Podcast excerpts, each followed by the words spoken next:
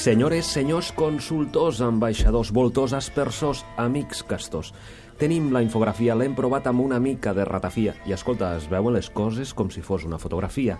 L'amiga infografia ens ha de servir per superar la cal·ligrafia, la telegrafia, la mecanografia i fins i tot una balena que doni classes d'oceanografia.